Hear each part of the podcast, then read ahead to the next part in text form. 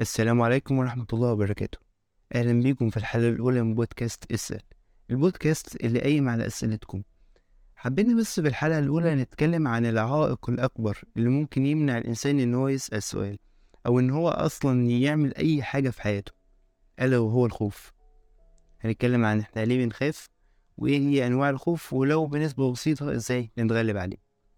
هنبدأ بمقولة دين برانت في كتاب المخ الأبلة لما قال يا لائم المفارقة عندما نقوم بالبحث بجدية شديدة عن المخاطر والتهديدات فينتهي الأمر بالمخ بإنشائها هو.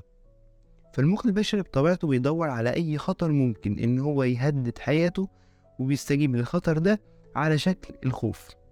والخوف مش مجرد شعور بنحس بيه لأ الجسم بيفرز هرمونات معينة وقت الخوف زي الإدرينالين والنور أدرينالين الهرمونات دي بتتسبب في ارتفاع ضربات القلب وضغط الدم بيبقى فيه ارتفاع ملحوظ للقصبة الهوائية عشان تستقبل كمية أكبر من الأكسجين. كل ده علشان يعمل ردة فعل على مهدد معين. طيب ده كده الخوف بشكل عام بشكل فسيولوجي يعني آه إزاي بيحصل الخوف. لكن إحنا ممكن نسأل هنا سؤال طيب ده الخوف عموما إيه هي الأنواع بتاعت الخوف؟ إحنا عندنا كذا نوع للخوف. في خوف بيبقى مكتسب في الحياة وفي خوف أنت بتتولد بيه. وفي خوف بتنشئ جواك من من صغرك. يعني هناخد التلات أنواع دلوقتي. إحنا ممكن نتكلم الأول عن الخوف اللي بتتولد بيه اللي ممكن نسميه الفوبيا. الفوبيا فيها انواع أنت بتتولد بيه زي واحد يكبر مثلا ويلاقي نفسه هو بيخاف من أماكن ضيقة من هو صغير. بيخاف من المناطق الضيقة. في في فوبيا تانية يخاف من المناطق الواسعة أوي. في فوبيا من المرتفعات. في فوبيا من العربيات حد يخاف إن هو يسوق عربية يسوقها هو.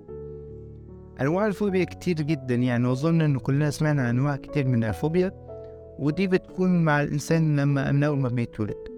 وليها حل كل, كل أنواع الخوف يعني المفروض إن هي ليها حد لكن على حسب إحنا نتعامل معاها إزاي. نوع تاني من الخوف بما إننا بنتكلم عن الأنواع دلوقتي نوع اللي بيحصل مع النشأة. وده نضربه نضربه مثال علشان يكون يعني أوضح دلوقتي لو في طفل اتنشأ في بيئة معينة البيئة دي بتخاف من الحشرات. فالطفل ده هيكبر برضه بيخاف من الحشرات. حتى لو ما تعرضش لأي حشرة في حياته لكن هو عارف من البيئة بتاعته الحشرات دي حاجة خطرة فهو اتولد فيه خطر الحشرات وإحنا اتفقنا إن الخوف هو استجابة لخطر معين ممكن بعرف من الخطر فبيعمل الموضوع ده استجابة. فمن هذا المنطلق بي بينشأ الطفل ده وهو بيخاف من الحشرات برضه. مش شرط إن هو يكون بيخاف لكن ده هو يعني نتيجة نقطتية للموضوع في فوبيات تانية بس غير الفوبيا اللي بنتولد بيها اللي هي فوبيا حصل حاجة معينة فخلاص بقى عندي فوبيا من الحاجة دي. نضرب برضه مثال أو اتنين. ممكن واحد في وقت معين خربشته قطة فهو بقى عنده فوبيا من القطط ليه؟ انه القطة بالنسبة له خطر فهو بيخاف من أي قطة يقرب منها عشان يتخربش زي الخربشة اللي حصلت له قبل كده. مثال تاني ممكن نضربه. لو مثلا واحد نزل البحر وقنديل لسعه يعني أظن دي بتتكرر كتير. في خلاص يبقى عنده فوبيا من البحر. أول ما يعرف إن البحر ده فيه أناديل خلاص مش هينزل البحر ده تاني. ده نوع من الفوبيا. النوع بقى كمان الأهم يعني وأظن إن يعني معظمنا بيعاني منه فترة من الفترات ألا هو الخوف الاجتماعي. الخوف الاجتماعي إحنا ممكن نسميه تهديد التقييم الاجتماعي. يعني ده يعني عنوان أوضح. خلينا متفقين إن الإنسان بيفرق معاه النقد بنسبة أكبر من المدح. يعني دي, دي حاجة يعني غير قابلة للنقاش. لأن ده مش بس مش بس أنت التفكير في النقد على التفكير في المدح لأ في رد فعل فسيولوجي على كده. لأن المدح بيفرز عندنا هرمون الأكسيتوسين اللي بيتم اللي هو بيتم إفرازه لما بيتم مدحك الهرمون ده بيفضل في الدم مجرد خمس دقايق بس يعني تقريبا خمس دقايق في حين إن هرمون الكورتيزول اللي بيتفرز وقت النقد ممكن يستمر في الدم لساعتين. ده معناه إن تأثير النقد حتى فسيولوجيا أكبر من تأثير المدح.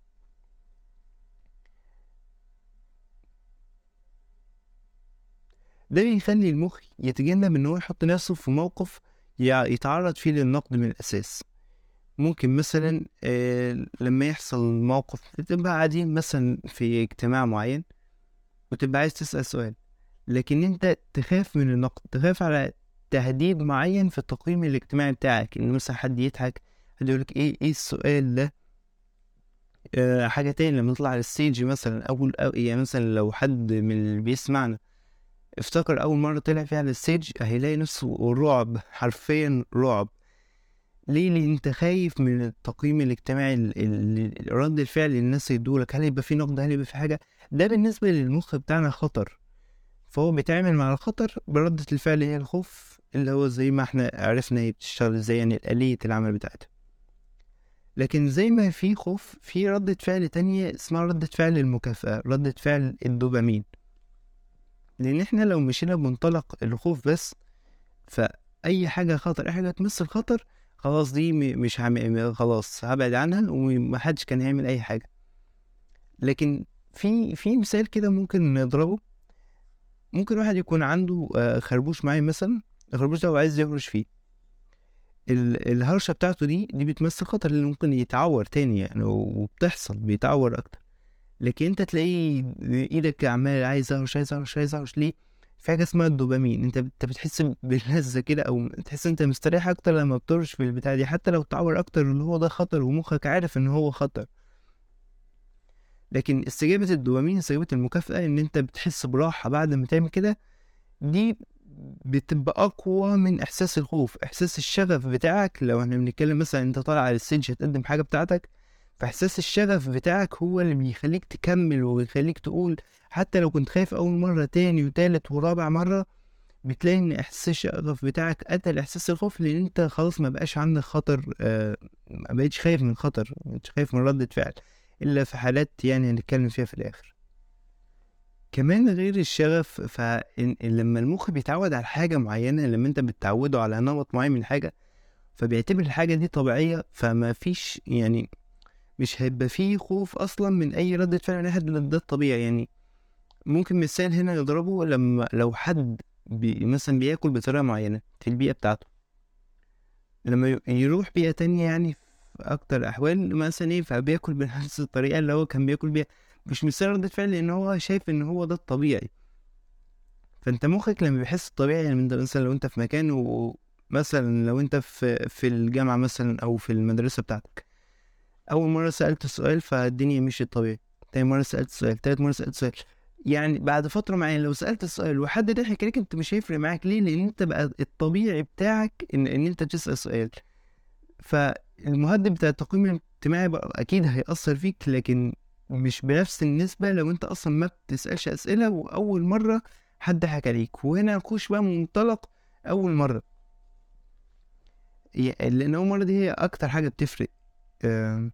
لو أنت أول مرة إحنا افترضنا في المرات اللي فاتت إن أنت بدأت وسألت سؤال وقفت على الستيج ما حصلش حاجة أو كده. لكن انت لو أول مرة حصل مشكلة ف... فبيبدأ هنا بقى إيه المشكلة ال... الخوف من إن أنت تسأل الخوف من إن أنت تتكلم قدام الناس لأن أنت خايف من ردة الفعل. دي بتيجي بالتدريب عادي. آه، وبتيجي برضو من الإر- الإرادة بتاعتك أنت أنت تفكر لأ أنا هثبت نفسي لأ أنا هعمل كذا فهو إيه، الخوف من إن أنت تعمل حاجة ليه حل؟ الحمد لله يعني مش أنت خلاص أنت بتخاف من الحاجة دي فانتهى الموضوع. ولو انت اللي بتسمعني عندك المشكلة دي جرب في, مجموعة انت عارفها مثلا أو مجموعة قريبة منك تتناقشوا مع بعض آه، تعملوا مثلا تقعدوا مع بعض لو انت عايز تتعلم الكلام قدام الناس تطلع تتكلم قدامهم كده هتضحك هتعمل مش هتعرف آه، واحدة واحدة واحدة واحدة لحد مخك يعرف إن ده طبيعي ويخش على ال- الحالة الأصلية بقى اللي أنت عايز تجرب فيها وتأدي فيها وهتأدي مية في المية كويس. أهم حاجة تبقى أنت عندك إرادة إن أنت تعمل كده. ولو اللي بيسمعني يعني كلنا يعني يعتبر مستمعين لأسئلة كلنا يعتبر بيقف قدام الناس وبتتكلم فيا ريت يا ريت وأنا أول واحد لو حد بي بيسأل سؤال مرة حد معروف مثلا هو خجول شوية وكده وبدأ يعمل مش, مش لازم إن إحنا نضحك يعني في حاجة بتبقى تلقائية لكن على قد ما نقدر إن إحنا مثلا إيه نمسك نفسنا شوية مش لازم تكون حاجة بتضحك لكن في حاجة بتبقى تلقائية يعني أكيد أنا أعذر في ناس تبقى تلقائية أنا نفسي ممكن يبقى في حاجة تلقائية لكن الأفضل. مثلا حد جاي يكلمك في في معلومة معينة أنت عارفها كويس ومثلا هو تعب فيها أنت بتعرف هو تعب فيها عشان دورة وجي بقى يحكي لك مثلا إيه الشمس مثلا لونها المفروض كذا مش لونها كذا. أنت عارف يعني المعلومة إيه؟ ف فتستمع له عادي. مش لازم تعرفه إن أنت عارف بقى وتحبطه. لا يا عم أنت أنت بتقول الكلام ده قديم. مش لازم مثلا الحركة دي. ليه؟ لأن هو يحس بقى بالإحباط من من اسمه ده. طب ما الناس عارفة طب أنا هزود إيه؟ حاجات كده يعني. فبلاش نحط نحط عائق لأي حد بيعمل أي حاجة ونحط الخطر آه، في مخه من إن هو يعمل الحاجة دي عشان يحس بالخوف منها. خلي في مخك على طول المصطلح تهديد التقييم الاجتماعي. راعي بيه نفسك وراعي بيه الناس. وما تخليش أي حاجة ممكن تهدد تقييمك الاجتماعي إن هي توقفك. يعني اعرف إن هو مجرد تقييم اجتماعي مش تقييم شخصي مش تقييم حقيقي ليك. وبس ولو حد عنده أي سؤال مثلا مش عايز أسأله مثلا آه، لأي سبب كان مثلا شايف إن السؤال بتاعه سهل ما مش سؤال قوي ما فيش أي مشكلة. أنت أي سؤال أي سؤال يقف مع أي حد مستمع للبودكاست لو تعرف أي حد أنا سألت سؤال أي حاجة أي سؤال ممكن هنسيب link form في ال في ال description أو في ال post. على حسب أنت بتسمعنا منين؟ ال link ده ال link بتاع ال form ده هيبقى هيبقى جواه مثلا تقسيمات الأسئلة بتاعته كده. هتخش تسأل السؤال بتاعك. لو أنت السؤال بتاعك شايف إن هو محتاج إجابة كبيرة. لو سؤالك محتاج إجابة صغيرة مفيش أي مشكلة. هنسيب ال link واتساب وفي رسائل الصفحة. كده كده لو أنت على الفيسبوك في رسائل الصفحة. ابعت لنا أي سؤال عندك وهنجاوبك عليه إن شاء الله في أقرب وقت. وايا كان السؤال أهم حاجة إحنا في في شروط معينة آه، هتبقى نازلة في بوست دي الأسئلة بس اللي مش مسموح نسأل بيها بس في أي سؤال تاني في أي مجال تاني تقدر تسألنا فيه وهنجاوبك إن شاء الله في قرابات أتمنى يكون استماع ممتع البودكاست ويعني أنا طولتش أقول أتمنى ما كنتش طولت عليكم لكن أتمنى ما كنتش أنا تقلت عليكم ومع السلامة.